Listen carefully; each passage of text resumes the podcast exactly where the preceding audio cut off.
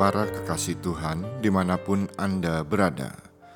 Kita berjumpa lagi dalam Kencan dengan Tuhan, edisi hari Selasa tanggal 4 Juli 2023. Dalam Kencan kita kali ini, kita akan merenungkan bacaan dari Amsal bab 16 ayat 24. Perkataan yang menyenangkan adalah seperti sarang madu manis bagi hati, dan obat bagi tulang-tulang.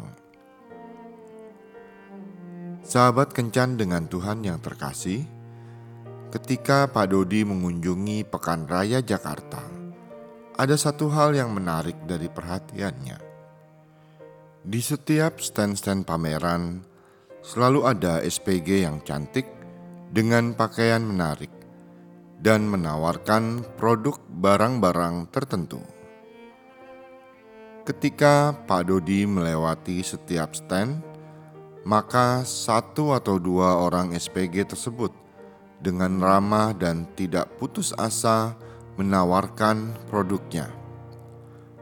Walaupun akhirnya Pak Dodi tidak membeli atau mencoba, tetapi mereka tetap tersenyum. Bahkan Pak Dodi perhatikan, ada banyak orang yang pada akhirnya menjadi berminat dan membelinya.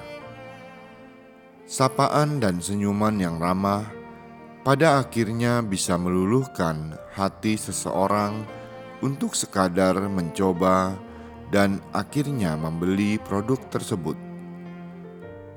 Saat ini begitu banyak orang disibukkan dengan pekerjaannya sehingga banyak orang yang akhirnya mengalami stres, belum lagi ditambah dengan permasalahan dalam hidupnya. Mereka ini membutuhkan orang lain untuk sekedar menjadi tempat bercerita, menumpahkan semua unek-unek mereka.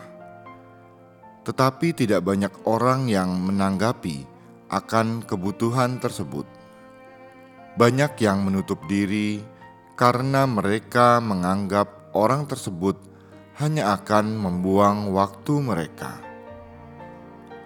sehingga pada akhirnya hanya emosi dan kejengkelan yang ada, dan yang stres makin stres, yang bermasalah makin bermasalah. Allah menghendaki agar kita mengeluarkan perkataan yang menyenangkan untuk memberi penghiburan bagi mereka yang berbeban. Karena perkataan yang menyenangkan seperti sarang madu, manis bagi hati, dan obat bagi tulang-tulang. Mungkin saat ini pasangan, anak, orang tua, atau sahabat kita membutuhkan perkataan yang menyenangkan, yang penuh dengan kuasa Tuhan untuk memberi kelegaan pada mereka. Jangan takut jika mendapat penilaian negatif dari mereka. Teruslah mendampingi mereka dengan senyum dan sapaan yang menyejukkan, karena pada akhirnya hati mereka akan kembali kepada kita.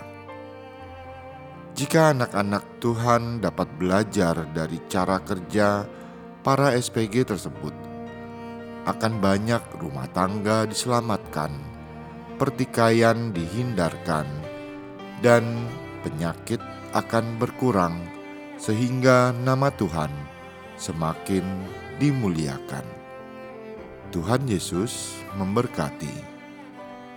Marilah berdoa.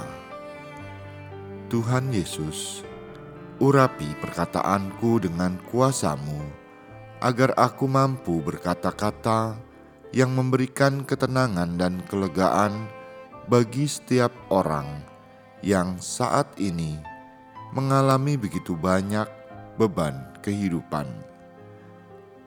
Kirimlah kepadaku seseorang yang terbeban hari ini, dan nyatakanlah kuasamu melalui perkataanku, sehingga ia dapat tersenyum kembali dan hatinya dipenuhi sukacitamu.